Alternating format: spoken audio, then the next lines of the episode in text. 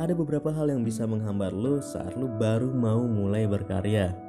Salah satunya adalah ketika lo pengen tampil sempurna, pengen berkarya sebagus mungkin, tapi lo malah merasa terbebani untuk melakukannya. Sebenarnya ketika lo baru mau mulai berkarya, ya udah lo lakuin aja gitu. Lo latihan disiplin aja dengan diri lo sendiri. Jangan bikin indikator yang tinggi dulu, yang penting lo itu berkarya. Lo buat karya lo sebisa lo, gak perlu perfect, gak perlu bagus-bagus banget. Yang penting lo melatih diri lo untuk memulai dan disiplin melakukannya. Karena ketika lo terlalu menuntut diri lo sendiri, itu malah jadi beban dan akhirnya lo gak jadi berkarya. Nah, selalu udah mulai konsisten, di situ baru lo perbaikin karya lo sedikit demi sedikit. Jadi kuncinya mulai sekarang dan disiplin dengan diri sendiri.